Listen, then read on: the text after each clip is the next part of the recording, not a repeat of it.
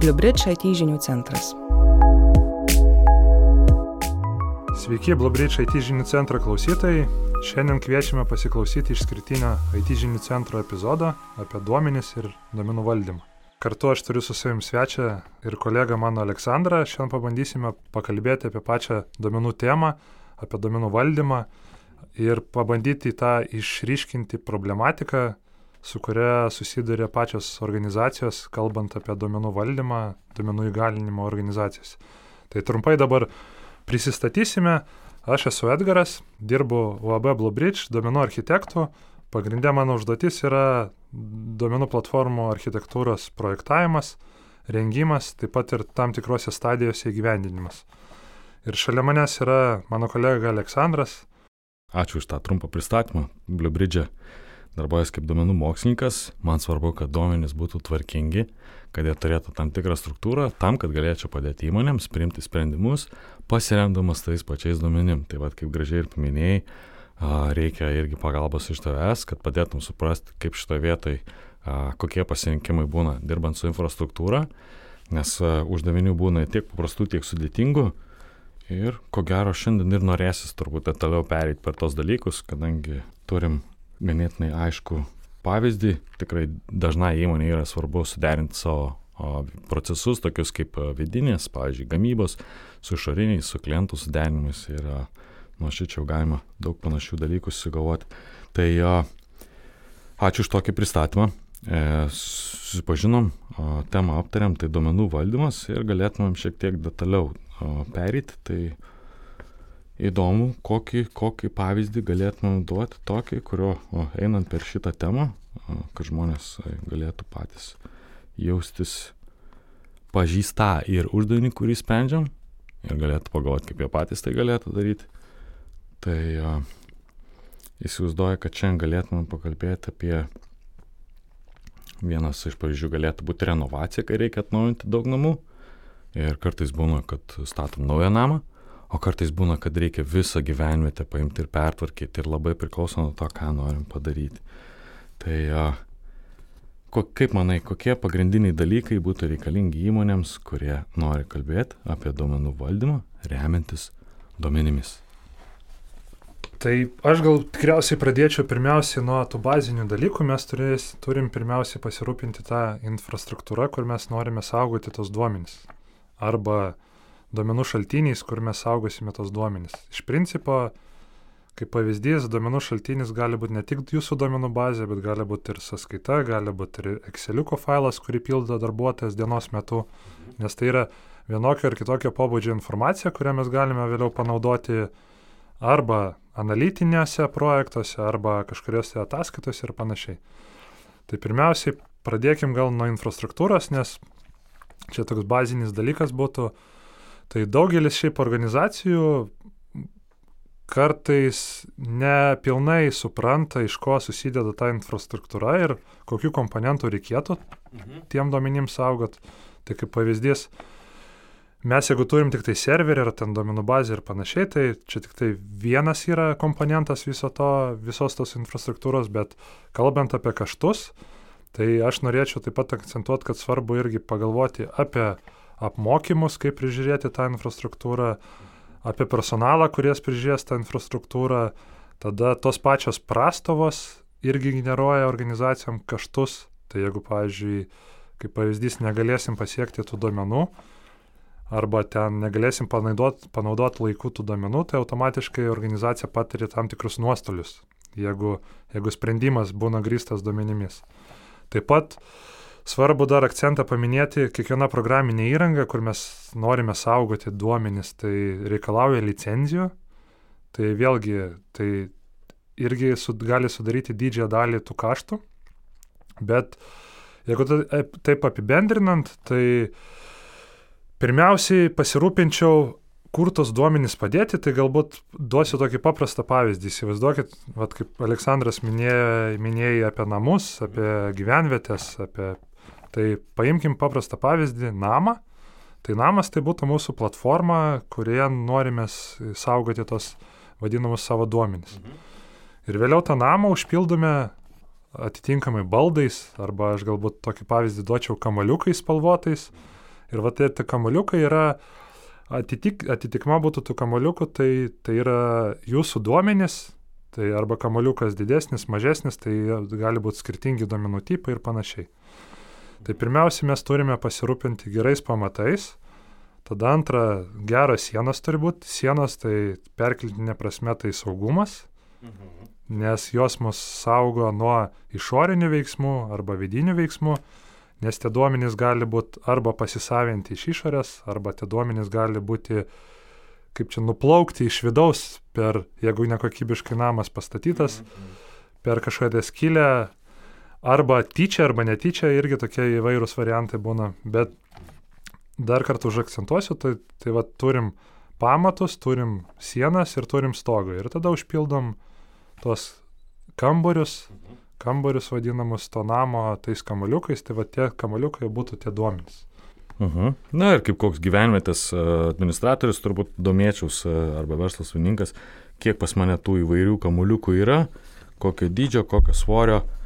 Aha, taip, paminėjai, kad infrastruktūra, taip, neįsivaizduoju, kaip e, neturint paruoštos infrastruktūros, kaip aš galėčiau iš vis galvoti apie duomenų analizę, tai kaip, kaip reikėtų apžiūrėti, tikrinti, arba net atrinkinėti tos kamoliukus sprendimo prieimimai. E, tai vienas namas, tai vienas kaip namas, bet aš įsivaizduoju, kad gali būti ir daugiau tų namų, net kaip skirtinga, didesnės įmonės dirba su didesniais duomenų šaltiniais, tai reiškia daugiau skirtingų tiekėjų.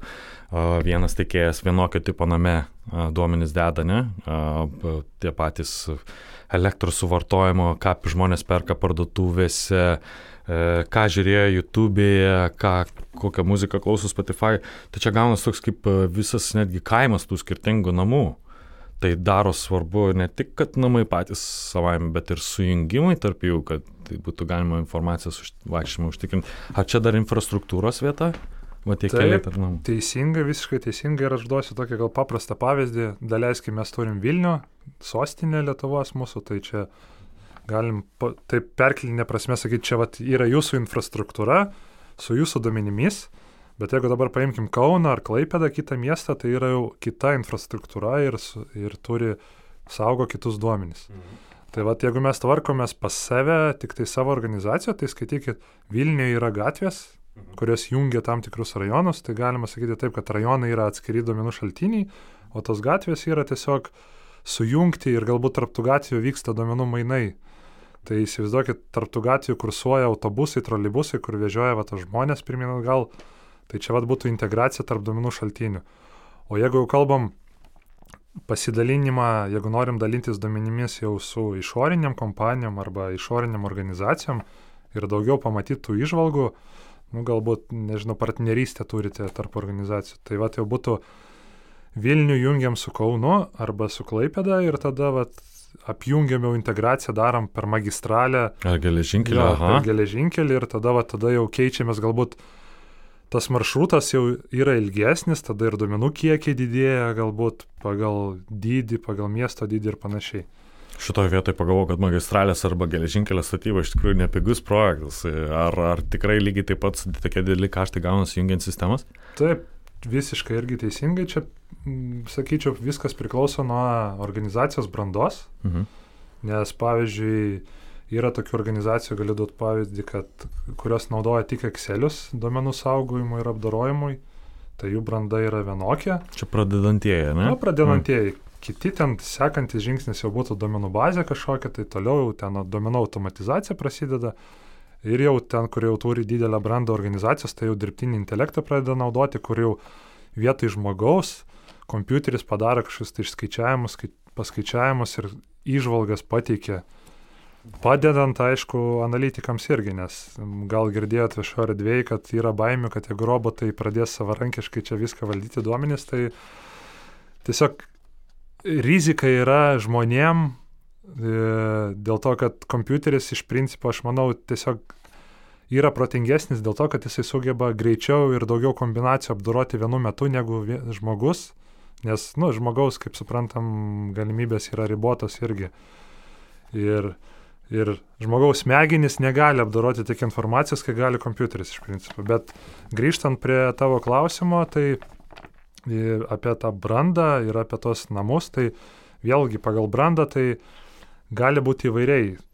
Organizacijos gali turėti tų vat, mažų namukų, bet ne, jie tarpusavai neturi jokių sąsajų, gali turėti visą miestą apjungtą, bet problematika pagrindinė yra šito vietoje, kad nesvarbu, kokios brandos tu esi, problematika pagrindinė yra, kaip išnaudoti tos duomenys. Ir čia turbūt, Aleksandrai, būtų tavo jau, tavo jau, kaip čia galima sakyti, darbo specifika ir pat pagalba, kurią tau gali suteikti klientam, kaip įgalinti tos duomenys. Nes mes galime infrastruktūrai kaupti tiesiog tos duomenys tuščiai, bet jeigu tuščiai kaupiam tos duomenys ir jokių išvalgų iš to nedarom, tai nemanau, kad organizacijai tai labai pelninga ir savotiškai yra nuostolis, nes jeigu negalim panaudoti tų duomenų, tai kam juos tada kaupti?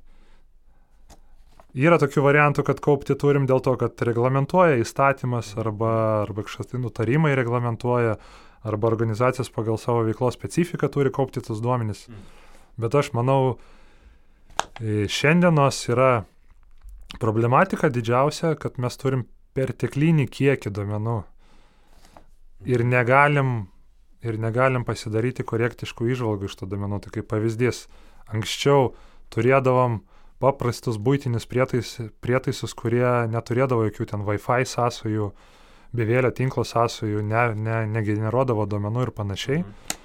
Nu, tokie paprastesni ir kiekvieną kartą technologijai modern, modernėjant mes gaunam tiesiog daugiau tų duomenų. Tai mūsų elektroniniai laiškai, žinutės, socialiniai tinklai, būtinė technika dabar. Big data, taip. Big data prasideda. Nu, bet uh, Šiandien galbūt mes nekalbėsime apie tas big data, jo big data, tos sprendimus, norėtume tiesiog apie tos bazinius dalykus pakalbėti. Tai vad, Aleksandrai, kaip tu galvoji, kokie, kokius tų iššūkius arba kokie, kokius iššūkius gali patirti organizacija, vat, turint, jeigu jau turi infrastruktūrą, bet nežino, kaip tos duomenys įgalinti. Nuo, nuo ko tu pradėtum, pavyzdžiui, vertinant šitą situaciją, kaip tu, kokią prieimą darytum prie tų duomenų? Geras klausimas, iš tikrųjų patiko, kaip taip gražiai apie ratą. Tai mm, įvairių iššūkių kyla verslui. O, tikrai dažniausiai pradeda nuo to, kad o, vadovas, pati organizacija siekia kažkokių tikslų, turi kažkokį norą, tas noras dažnai būna ganėtinai abstraktus. O, du pagrindiniai dalykai, kuriuos nori. Tai vienas sutaupyti, kitas parduoti daugiau, ne, tai perkam, parduodam. Ir tada, kai pradedi nagrinėti pačią, pačias galimybės, kaip tą įgyvendinti, sudari su įvairiais iššūkiais. Būna, kad nelankstus procesas. Būna kad, net, būna, kad net nežinome, nuo ko pradėti. Tiek daug informacijos yra, procesas yra neištyrinėtas, verslas būna, kad nu, tiesiog kol rūpinasi savo veiklom, procesai lieka kažkur šonuose, ten tos detalės, galbūt kartais tenka iš, na, atrasti kai kurios dalykus. Būna tokių uh, iššūkių, kad norima daug ir greitai. Čia iššūkis yra, kai nėra padaryta tvarka, nėra analitikos iš pradžių, a, nėra taip pasiruošta, arba tiesiog net nebuvo poreikio turėti tokią sistemą. Tai tikrai ta, labai įdomu, kad uh, galima iš duomenų bandyti spausti, ką norim, bet jeigu juose jie yra ne visai tvarkingi, jeigu procese kažkokios klaidos, tai prieš priimant sprendimą iš tikrųjų norisi nuosekliai persižiūrėti a, tuos ingredientus, iš, iš ko statysim tą namą, ar tikrai namas padarytas pagal reikalavimus, ar vis dar atitinka tai, ką vadovas galvoja, kad nešas tos kelis metus, būna, kad a, pradinės idėjos prasideda vienokaip, bet laiko einant šiek tiek ar užsimiršta būna, pasikeičia šiek tiek tai pats tiesiog galvoju apie, apie, mūsų, apie mūsų įmonę irgi kaip apie tam tikrą virtuvę, į kurią ateina klientas su savo kažkokiu patiekalu užsakymu, jisai ar nori ar namą pasistatyti, galbūt aštankoji nori išsivirti. Ir ta pati idėja, kad pradedame tiesiog nuo vadovo noro, tai man svarbiausia yra tiksliai įsiaiškinti, kas po to abstrakčių norų, ar tai yra pelnas, ar tai yra sutaupimas, kaip tiksliai išsireiškia tai vadovo žodžiais, tai ir, nu, ko gero, tą kontekstą sudaryti, kas, kaip, kur, kada, ką. Tai labiau supras procesą, duomenys gilintis ir tada labai pasidaro įdomu, kokias sistemas naudoja, kaip tos duomenys pasideda, kokie jų kiekiai, ar duomenys tikrai tvarkingi, atrodė, kad viskas gerai, ar ne. Ir kaip duomenų mokslininkas, vietoj to, kad spėliot ir stengiasi pagrysti, tam, kad pagrysti, naudojame protingas sistemas, kuo duomenų daugiau, tuo noris, kad sistemos būtų greitesnės. Paminėjai big data, irgi atskiras uždavinys, kai yra informacijos tiek, kad Excelė, pažiūrėjau, net, net nebetelpa, tada pradedi galvoti, okei, okay, turim tiek duomenų, kokius variantus galim pasirinkti. Tai, kaip paminėjai, gražiai brandos lygiai irgi yra, tai atitinkamai galiu irgi palyginti, kad priklausomai nuo to, ar įmonė dar tik pradeda šiandien, ar išgirdo pirmą kartą apie duomenis, ar įmonė jau yra atlikus bent kelis projektus, šiek tiek geriau supažinę, nuo to labai priklauso, kiek reikės įdirbio, ruošiant tą struktūrą busimai naujai moderniai gyvenvietiai. Aleksandrai, dar truputėlį, jeigu grįžtume prie infrastruktūros, o tau kaip domenų mokslininkui, su kokiais iššūkiais dažniausiai susiduri, kai gauni užduotį analizuoti duomenys. Tu gauni visą informaciją iš administratorių infrastruktūros, prieigos teisės, Ar būna kažkokių tai tokių iššūkių, kaip pavyzdys, nežinau. Mhm.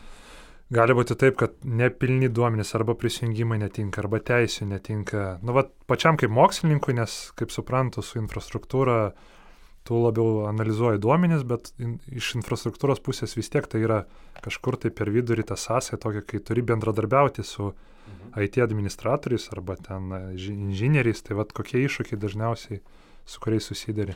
Aha, čia labai gražiai paminėjai a, apie kitų žmonių įsitraukimą į projektą. Tikrai a, vienam žmogui būtų labai sunku turbūt sužiūrėti rimtą šią laikinį projektą su duomenimis, vien dėl to, kiek yra skirtingų ir šaltinių, ir klausimų, ir pjūvių, ir taip toliau. Tai a, gražiai paminėjai, taip, prieiga reikia turėti prie duomenų. Jeigu paprastai kalbėtumėm, kad žmonės spėliot, na, tiesiog prieiga, tarkim, prie jūsų SQL serverio, kuriame yra duomenys, na ir tada prieiga turint, aš galėčiau ramiai susirinkti tą vadinamą duomenų imtį, ne, kažkokį šimtą įrašų, tūkstantį įrašų ir pradėti kelti kel klausimus. Tai vienas iš jų gražiai paminėjai, ar duomenys tikrai pilni, ar įrašyta, ar visos sumos įrašytos teigiamas, pavyzdžiui, gautinos sumos, ne? paskui būna, kad įtrauki, tarkim, įrašus su neigiamom sumom, mane ir staiga vidurkis tavo kažkaip sumažėja. E, labai svarbu yra projekto komanda, čia galbūt šiek tiek didesnė tema, e, tai... Bet gal, Aleksandrai, dar prie jos sugrįšime, aš dar tu paminėjai taip gražiai, kad tūkstantis, dešimt tūkstančių ten domenų apie, apimtis, o pati apimtis ar tavo darbo apimčiai arba darbo krūviui turi esmės, ar kaip pavyzdys, ar analizuoji tūkstantį eilučių, ar analizuoji šimtą tūkstančių eilučių, ar turi tai laiko prasme, kaštų prasme ir, ir, ir past, pa, pastangų daugiau reikia įdėti analizuojant tos duomenys ar ne, ar čia kompiuteris tos dalykus padaro. E, iš pradžių, kadangi nesu pažįstamas su duomenų schema, tik tai tai, ką man papasakoja domenų savininkai, va, sistemų architektai ir taip toliau. Tai e, mažesni, mažesnės duomenų imtys turi mažesnį um, skirtingų situacijų kiekį. Kuo daugiau duomenų, tuo daugiau skirtingų situacijų. Tai Mažas, maža duomenų imtis reikalinga tam, kad pasimatyti, jeigu yra daug problemų ir toje mažoje imtyje jau bus rūpešių. Jeigu gaun tobulą idealų samplą, tai yra puiku, duomenys švarus, bet tada reikėtų patikrinti ir visus likusius. Dėl to pats procesas duomenų tyrimo, galima sakyti, susidaro iš kelių tokių atskirų žingsniukų, mes juos vadiname iteracijos ciklais, ar ne?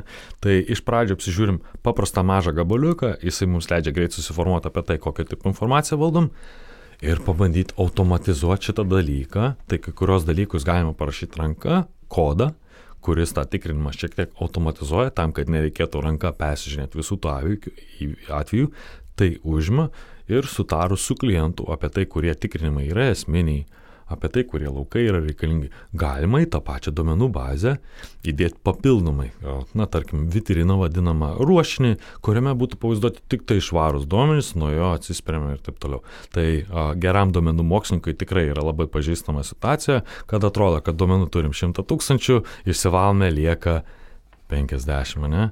Tai a, taip, iš pradžių paprasta pežiūra, žmogiškai ieškome, gal yra kažkokių silpnų vietų ir paskui, kad ne, to paties dalyko nedaryti šimtą kartų, tiesiog automatizuojame, parašydami tam tikrą kodą. Ačiū, Aleksandrai. Tai aš dar truputėlį grįžčiau prie infrastruktūros pačios, kai minėjau pradžioje, kad kaštai patiria kaštus, bet tikriausiai ir dabar užduoda savo klausimą, kaip tos kaštus galima optimizuoti, kaip juos, kaip juos valdyti. Tai patarimas būtų toks labai papra, paprastas patarimas Pirmiausia, jeigu turim, kaip pavyzdys, dviratį, nereikia iš jo daryti iš karto formulės. Nes, kaip ir mes kalbėjome apie brandą, nereikia šokti iš karto laipteliais aukštyn, kad gauti, nežinau, kažkokį efektyvesnį sprendimą ir panašiai, nes jūs galite tiesiog patirti didesnius kaštus pradiniai investicijai ir jie visiškai gali neatsipirkti e, pabaigoje. Tai čia apie tos lūkesčius ir rezultatus dar mes pabendrausim irgi su, su Aleksandru, bet patarimas būtų toks - mažais žingsniukais judėti pirmin, bandyti įgalinti tos duomenis, Dėl pačios technologijos irgi skirtumo nėra, kokią technologiją pasirinkti.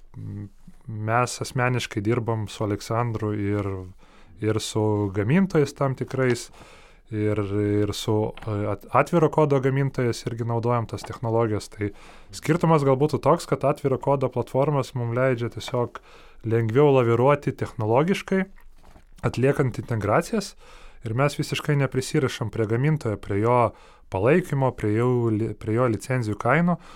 Aišku, tada tam sprendimui būtinai reikės priežiūros. Tai jeigu kūriam kažko nuo nulio, tai vėlgi gauna galutinis e, užsakovas tai rezultatą jeigu tas rezultatas padarytas atviro kodo pagalba, tai mes kaip kompanija galim suteikti priežiūrą arba galim išmokyti tą priežiūrą vykdyti. Bet pagrindinė žinutė būtų tokia, tai reikėtų pasverti už ir prieš, pagalvoti apie procesą, sudaryti planą, kur mes judėsim, nes gal pastebim irgi su Aleksandru, pastebim rinkoje, gal privatus sektorius tai, į tai paprastai žiūri, bet privačiam sektoriui galima greičiau padaryti sprendimus. Jeigu mes kalbam apie valstybinį sektorių, tai yra visokie reglamentai, įstatymai, viešieji konkursai ir panašiai. Ir aš kaip domenų architektas matau dažnai tokias klaidas pagrindinės, kad infrastruktūros būna per didelės tai domenų imčiai, tai mes tiesiog nusipirkam daugiau resursų, negu mums reikia. Ir tie resursai mums generuoja tiesiog jų nepanaudojimas, generuoja tos papildomus kaštus. Tai aš asmeniškai siūlyčiau, ir čia mano tokia nuomonė būtų, kad pradėti mažais žingsniais įsivertinti tikrai, suprasti tą konkretų poreikį organizacijai ir pagal tai pabandyti įsivertinti, kokie, kokios infrastruktūros reikėtų. Aišku, numatyti ir augimą tam tikrą, tai galėtų būti standartiškai 20-30 procentų. Ne, nebuvo dar, kaip čia, nebuvo galbūt pavyzdį, neturėjau tokio pavyzdžio pas save gal praktikui, kad staiga padidėtų ten 100 procentų domenų tie, tie duomenys auga palaipsniui, priklausomai kiek mes integracijų darom, ką su kuo sujungiam ir panašiai. Girdžiu apie tokį kaip palaipsninį brandos kelimą. Na taip, iš tikrųjų, ko gero paprastesnis pavyzdys buvo, kad uždavinys vertas dviračio, o mes konstruojame Formulę 1, tai tinkamai Formulę 1 konstruojant bus patiriami dideli kaštai, jinai tą formulę neturės kur važiuoti, jokių dviračių takų, jai reikia daugiau greičio ir įmonė realiai ne, nu, jai net neapsimoka tokio, tokio sudėtingo dalyko žiūrėti dabar, nes pirmą reikia išmokti važiuoti su dviračiu, taip. Tai e, tas dviratis tai man primena įmonės, kurios dar naudoja Excelį. Excelis yra nuostabus įrankis, tiesiog, e, kad e, kai patys duomenys Excelėje siunčiami failais, gaunasi, kad mes liktai žiūrime žmogaus veidą, bet mes nežinom, kokią senumą tas veidas yra. Dėl to duomenų bazės atrodo šiek tiek jau įdomesnis dalykas tikrai yra veiklų, kuriuose Excelis, na, nepamainomas. Man tikrai nereikia dėl šimto įrašų keistis, keisti šokti duomenų bazę, bet jeigu procesas kartojas dieną po dienos, gal tikrai ir verta pabandyti, ne, mygtuko paspaudimu, susikelti naujus duomenys į duomenų bazę, o tenai jau pradėti. Kaip man patinka tas žodis, tikrai esu iš universiteto atsinešęs, dėkoju savo profesoriai, sumaniau, protingiau, ne, sumaniau. Uh, nemažai informacijos taip susidėjo ir galvojau, o, o kaip, kaip valdosi pats projektas, ne, tarkim, vat, vadovas, turim aišku vadovo norą, yra projekto komanda, yra nemažai žmonių, tai kaip, kaip, kaip, api, kaip apiformintumėm visą šitą projektą, tai aš įsivaizduoju, kad jeigu turime tikslą, tikslas būtų mano šiek tiek atnaujinti savo įmonę, padaryti ją labiau data driven, galbūt vieną kitą ataskaitą, pavyzdžiui, pagreitinti, kad sugreitėtų duomenų suvaikščiojimas, tai šito vietoj reikės infrastruktūros. A, Aš norėjau, norėčiau gal papildyti, Aleksandrai, šitą vietą, kai minėjai tikslas. Tikslas gali būti pagreitinti, bet ir tikslas gali būti paefektyvinti, mhm. nes irgi organizacijos yra skirtingos, Viena, vienas nori greičiau. Tai teko girdėti, kad kai kurie vadovai, man reikia čia ataskaitos čia ir dabar. Bet tada, kai mes turim greitį, mes pamirštam apie, daugelis pamiršta apie kokybę duomenų. Tai šitą vietą reikėtų nepamiršti ir duomenų kokybės.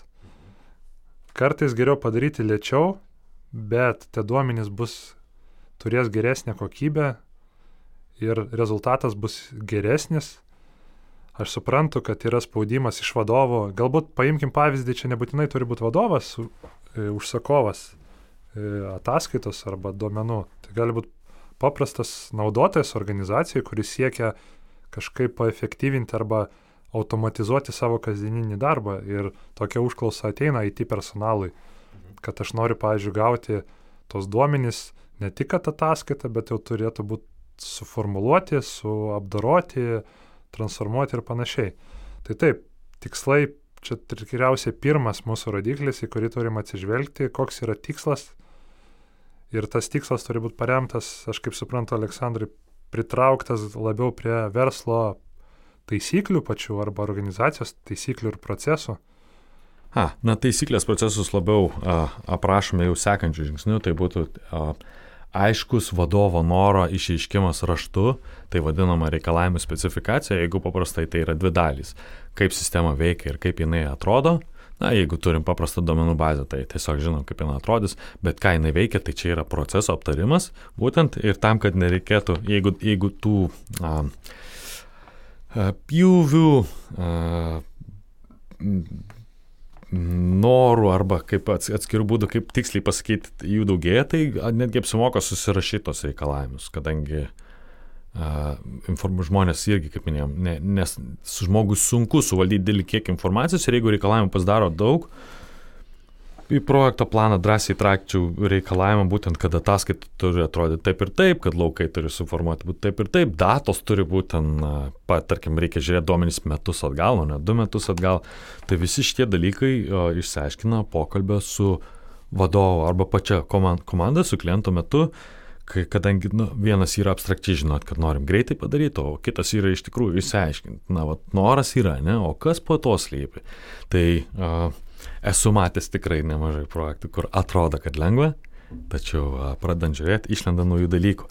Ir prie reikalavimų kartu dar paminėčiau, ir svarbu atsižvelgti į resursus, kuriuos turim. Galbūt mums reikia techninių, galbūt žmogiškų resursų reikia, apie tai irgi norėtas pasikalbėti.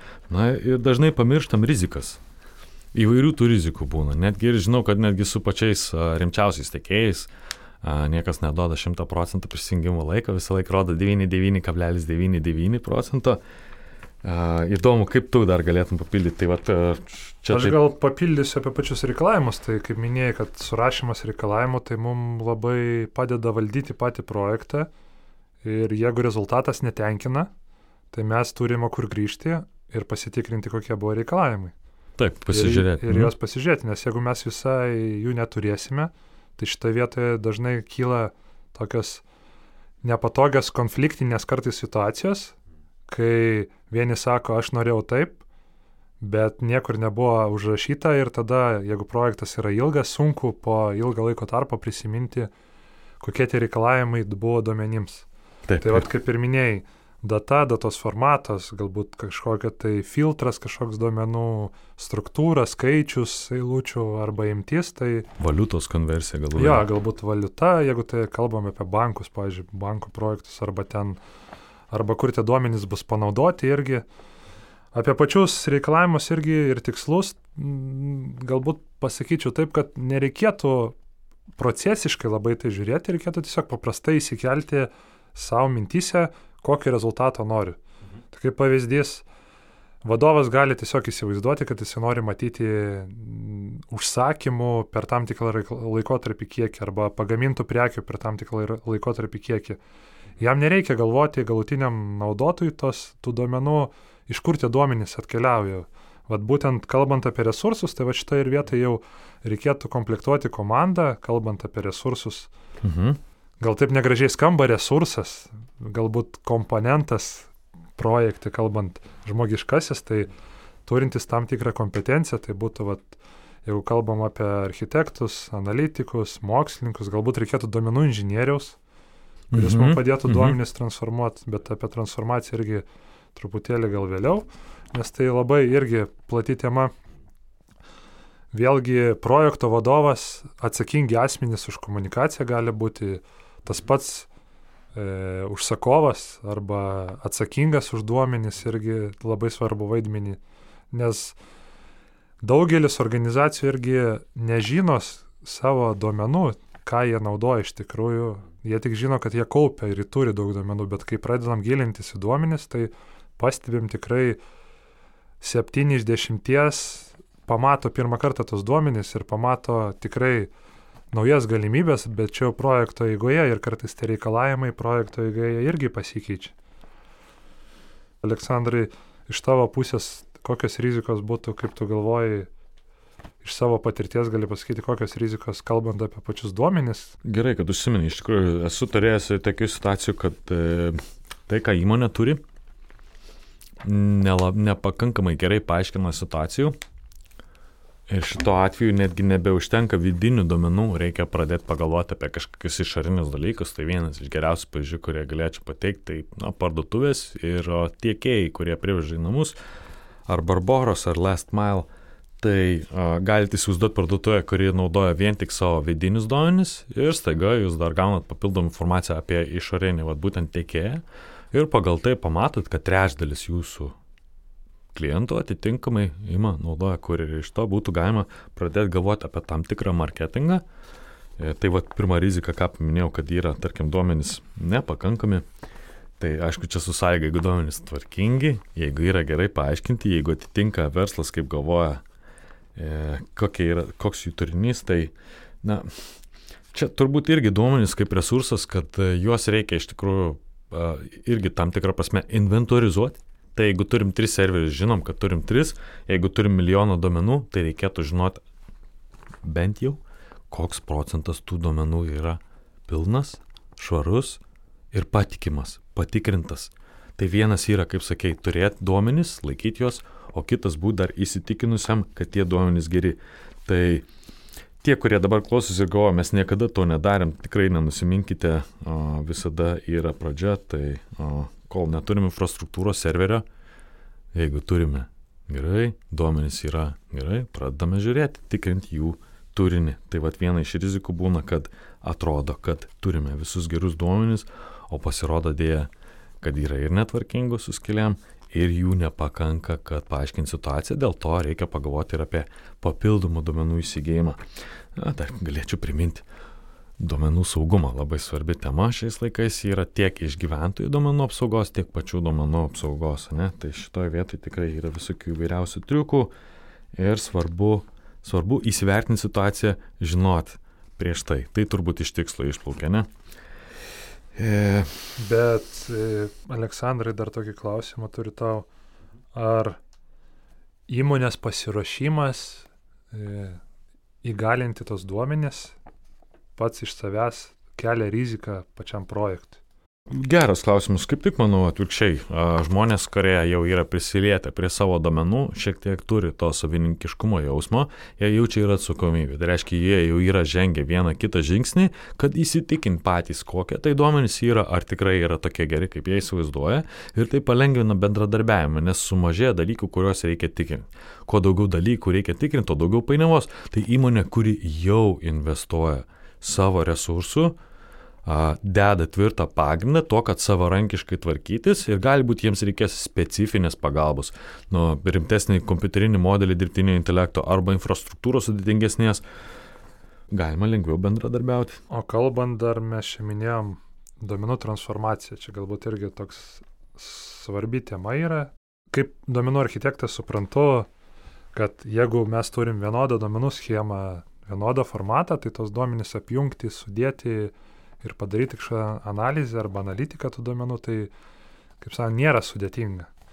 Bet jeigu mes turim jau tada skirtingus duomenų šaltinius, skirtingo formato duomenys, ar duomenų transformacija tikrai yra imlus darbas, ar, ar lengvas darbas, kaip tu galvoji, Aleksandrai? Kai skaičiuojame paprastą vidurkį per mėnesį, tai atrodo veiksmas ganėtinai yra paprastas, ne? Tuo tarpu turime tokių užklausų, kur tai, ką darysiu šiandien, tą sprendimą, kurį noriu priimti, pirkti šimtą, parduoti penkiasdešimt, labai priklauso nuo to, kas buvo praeitį. Tai reiškia, kad man neužtenka paskaičiuoti vidurkį, man reikia mokėti tinkamai atsirinkti buvusių laikotarpį tam tikram klientui, įsitikinti, kad jo mm, perteklinis balansas būna sąskaitoje, jeigu permoka, ne, ta permoka dar kažkur gali e, dalyvauti. Yra tokių transformacijų, kur pradiniai duomenys būna netvarkingi ir reikia iš tikrųjų pakankamai įdėti nemažai laiko, kad juos privesti prie to tinkamo formato Tai jeigu turime omeny dvi skirtingas sistemas, vienas galėtų būti PDF failai, kitas va tas pats Excelis, tai akivaizdu, kad su PDF dalimi reikės uh, nuskaityti, kažkaip tai interpretuoti. Tai uh, būna lengvesnių šaltinių, pavyzdžiui, Excelį įkėlus į duomenų bazę, galbūt formatas duomenų ir nepasikeis. Bet tada reikia pagalvoti, okay, kiek skaičiavimo atliks mane, kiek tų formulių reikia paskaičiuoti. Galbūt ne tik vidurkį reikia, uh, istorinį vidurkį, uh, gal kiekvienam klientui atskirai dar slenkant slenkantį vidurkį reikia laikę paskaičiuoti. Tai transformacijos realiai priklauso nuo to, kokį uždavinį sprendžiame, jis sudėtingas ar ne. Ir jeigu sudėtinis uždavinys iš kelių dalių, akivaizdu, kad transformacijos irgi turės savo seką, pats siūlau pradėti nuo pačių paprasčiausių dalykų, tai kaip minėjau, vidurkį paskaičiuoti liktai lengva ir po to pradame gilinti papildomas sąlygas tai gali įsivaizduoti, kad turim 30 transformacijų su 5-6 filtrais, tai na, visų iškart paprastai taip nepadarys, reikia įdėti laiko, tai šitoje vietoje, na, toks gal toks kaip planas, kodą, kurį reikėtų pasidaryti ir Na, jau čia nebe minutėm, čia jau valandom šnekam, būtų galima kalbėti ir apie porą, trejata dienų, kur atskirai skiri laiko būtent įgyveninti tokį kodą, kurio paskui nebereikia rankomis daryti. Aš papildysiu Aleksandrą, kad klausytojai įsivaizduotų, kad nebijotų arba neįsivaizduotų, kad čia labai sudėtingas darbas. Tai duomenų transformacija iš principo galima daryti dviem būdais. Jūs galite daryti transformaciją duomenų prieš juos išsaugant. Tiesiog, jeigu jums reikia čia ir dabar rezultatą, bet jūs galite tiesiog duomenys kaupti, o vėliau juos transformuoti pagal poreikį. Tai čia du skirtingi tokie procesai Tai pirmas, jeigu transformuojam dabar prieš, tai jisai galbūt imlesnis laikui, mhm. dėl to, kad mes turime tinkamai pasiruošti, e, kaip Aleksandras minėjo, viską sužiūrėti, kokia yra domenų kokybė ir panašiai, bet mes gaunam tada geresnį rezultatą pabaigoje, mhm. kaip iš anksto parašym duomenis. Bet mes galime taupant laiką ir jeigu nežinom, kokio, koks mūsų tas tikslas, arba kokio mes rodiklį norim pabaigoje pamatyti, arba tą rezultatą, tai mes galime tiesiog kaupti tos duomenys į tą patį Excelį, į tą pačią duomenų bazę, į tą patį į kažkokią tai kitokią platformą ir tada jau tik taip esant poreikiu galime juos transformuoti arba prijungti mums reikiamus duomenys. Ar čia mes kalbam apie ETL? Extract, taip, Transform, Load. Taip, mes čia kalbam apie ETL, bet dabar iš principo yra, kad e, nauja savoka atsiradus, kad mes darom extract, load ir transform. Mhm. Čia galbūt naujesnis tas dalykas, ką aš ir minėjau, kad anksčiau mes darėm extract, transform, load, kai mes turėdavom prieš išsaugant domenų e, šaltinėje duomenis, mes juos norėdame, turėdavome transformuoti. Mhm. Dabar mes, jau technologijos leidžia, tiesiog mes galime pradžiai ekstrakt, tai mes paimam duomenis, load tai saugom mhm. ir transformuojam tik tai esant poreikiu. A, vos neišeigos, kai reikia. Išeigos. Tai čia labai atveria e, naujus kelius e, įmonėms daryti eksperimentus. Kaip ir Aleksandra minėjai, kai įmonė lik ir pasiruošus įgalinti tos duomenys, bet nežino, nuo ko pradėti.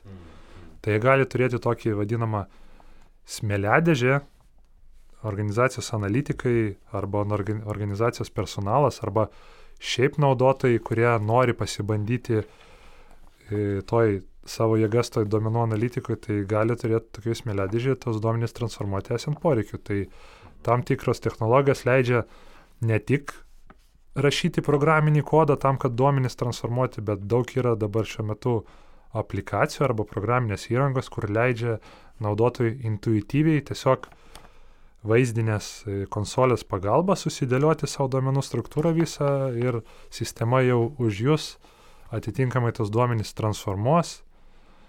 Galiu, galėčiau duoti Power BI'aus, pavyzdžiui, pavyzdį, yra toks funkcionalumas Data Flow, kur naudotojai internet, internetinį našiklį gali tiesiog savo susidėlioti drag and drop principų, kai mes perkeliam iš vienos sistemos į kitą, į, iš vieno lango į kitą tuos lenteles ir tiesiog susidėlioja toks bendras vaizdas grafinėje aplinkoje ir tada mes galim pasirinkti savo atitinkamą užduotį, ar mes norim sujungti tos duomenis, ar norim juos transformuoti ir tą visą darbą padaro už, už kompiuteris, už naudotoją.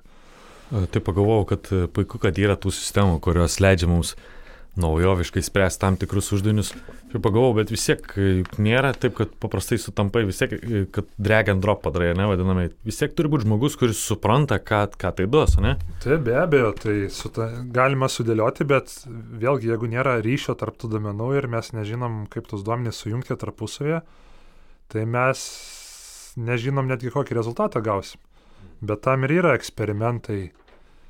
Mesgi, Aleksandrai, savo veikloj organizacija arba užsakovas arba klientas išsako kažkokį norą, tos duomenys panaudoti, tai tas sprendimas gali, jeigu jisai nėra sudėtingas, čia ir dabar atsirasti, mm. o kartais reikia tiesiog pabandyti atlikti tam tikras duomenų manipulacijas, kad gauti tą norimą užsakovo rezultatą. Žinau, kad šiandien sakiau savo, kad nenaudosiu ne, ne daug visokių frazių, bet tikrai yra frazė, kad e, pietų uždyka nebūna, Tai šitas dalykas tai eina iš dirbtinio intelekto, kai sako, kad tai, kas tiko vienam uždaviniui, kitam visiškai netiks. Ir kačiukus nuo šuniukų atskiria, bet vat kelio ženklo nelabai. E, nemažai čia, čia dalykų aptarėm iš tikrųjų, gal norėtus taip apibendrinti.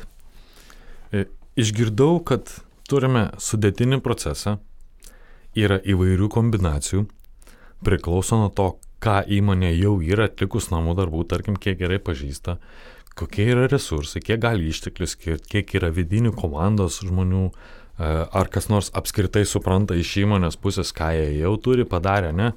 Ir, e, o tada kitas jau yra apie tai, ko reikia ir kaip tai padaryti. Tai pirma mintis, kad realiai kalbame apie šio laikinį projektą su, su projekto tikslais, projekto planu, uh, su projekto komanda, kuriuose ne tik architektas, mokslininkas yra ir projektų vadovas, inžinieriai, suinteresuotas vadovas. O, ruošiame nemažą uždavinį, e, kad ir ataskaitą pačią paprasčiausią apie gamybą ir užsakymus, bet yra keli skaičiavimai, tai turėdami projekto planą, projekto infrastruktūrą, galime planuotis na, mėnesį laiko tokią įdomią kelionę kartu su Bliubridžio komanda.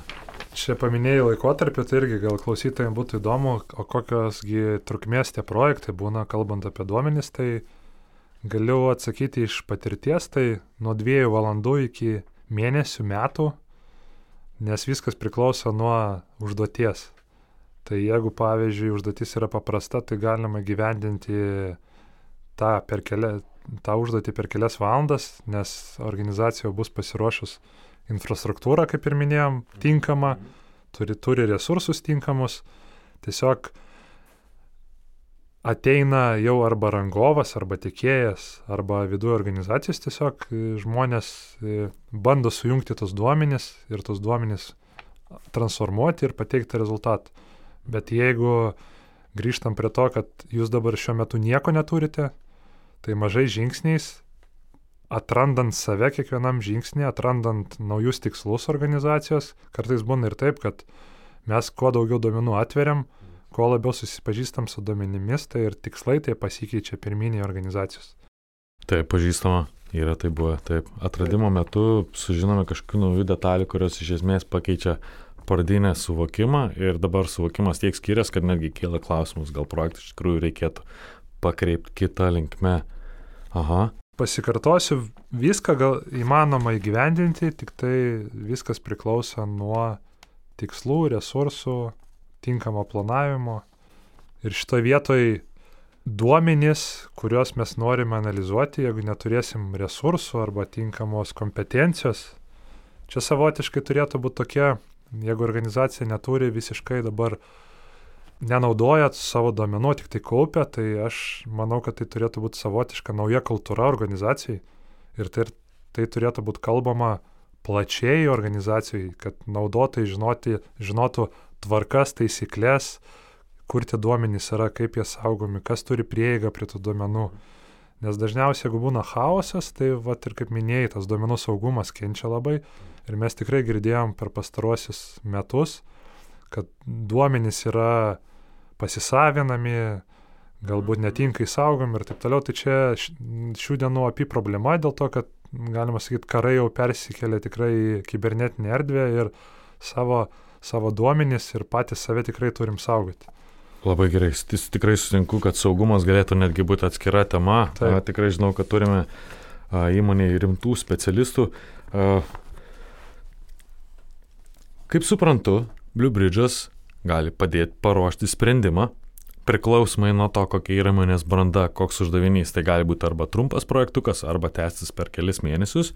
Ir tuo pačiu, kad įmonė turėtų pati įsitikinti savo sprendimo naudą ir turėti žmonių, kurie iš jos pusės atstovėtų tą pusę, kadangi įmonė vis tik a, prižiūri pati savo procesą mes galim būti kaip pagalbininkai, kurie padeda šitą procesą jiems sustiguoti gerosiam praktikom, bet vis tik būtų naudinga įmonė, kad irgi turėtų žmogų iš savo pusės, kuris sugeria tą atrastą informaciją ir padai nepasimest, nes uh, kuo didesnė įmonė, tuo daugiau tų procesų ir einant link data driven, jeigu nėra viduje įmonės kultūros data driven, tai tas projektas realiai toks kaip ir, nu, duos laikiną naudą, bet laikui einant viskas, kadangi keičias, duomenis prižiūrėti reikia, o tai reiškia ir infrastruktūrą, ir reiškia reikia stebėti, kas vyksta ir pastoviai duoti klausimą. Jo, nes jeigu nestebėsime, tai bus toks rezultatas, kad kaip pavyzdys, čia buvo ne per seniausiai, susirenka vadovai susirinkimą, ateina su ataskaitom ir visų ataskaitų skaičiai tiesiog skirtingi, nors sistema sistema viena. Tai, tai kai ką kalbėjo ir Aleksandras, tai neužtenka tik prižiūrėti infrastruktūros, neužtenka rūpinti saugumu, bet reikia ir tinkamai valdyti tos duomenys, kad mes galėtume remtis tais duomenimis ir įgalinti, nes gali būti toks variantas, kad pirmą kartą nekokybiški duomenys, antrą kartą nekokybiški duomenys, tai jau trečią kartą arba ketvirtą jau tas vadovas arba galutinis naudotojas tų duomenų sakys, aš jau nepasitikiu. Taip, taip, krenta pasitikėjimas. Duomenimis ir jau mhm. tiesiog nenaudos jūsų tų duomenų ir mes grįžtam vėl į pradinę stadiją. Pinigai investuoti, kaštus generuoja tą infrastruktūrą, bet rezultatas arba nauda pačio organizacijai jos visiškai nėra. Ir kad nesinori, kad toksai rezultatas būtų pačiam gale, įtraukime klientą nuo pat pirmo žingsnio, kad jisai irgi puikiai suprastų, kokia čia yra jo atsakomybė, kadangi vieną mes kaip profesionalai e, mokiname savo dainą, o kitas, o kitas iš tikrųjų, kai žmonės e, patys irgi nori, yra pasiruošę šiek tiek išmokti. Jaučiu, kad e, šiandienai gal ir pakanka, nors ir kitą kartą susitikti, pasikalbėti daug įdomių temų turim. Jo, duomenų tema tikrai labai yra plati, tai nenorėtume čia dabar taip daryti tokias košės ir suplakti viską į vieną, tai aš tikiu, kad mes dar kartą su tavim, Aleksandrai, susitiksim, galbūt pagvildensim jau tas temas, akceptuosim, e, kokie iššūkiai yra kiekvienoje srityje atskirai, ten plačiau pakalbėsim apie tai. tai... Taip. Ačiū, kad buvot su mumis. Šiandien pristatymą podcast'e dalyvavo Edgaras, Aleksandras. Daugiau mūsų ir mūsų kolegų išvalgų apie IT ir verslą galite rasti Blue Bridge'o IT žinių centre adresu bluebridge.lt pasvirasis brūkšnys IT brūkšniukas žinių brūkšniukas centras ir Spotify bei kitose platformose, kur klausote savo mėgstamų tinklalaidžių.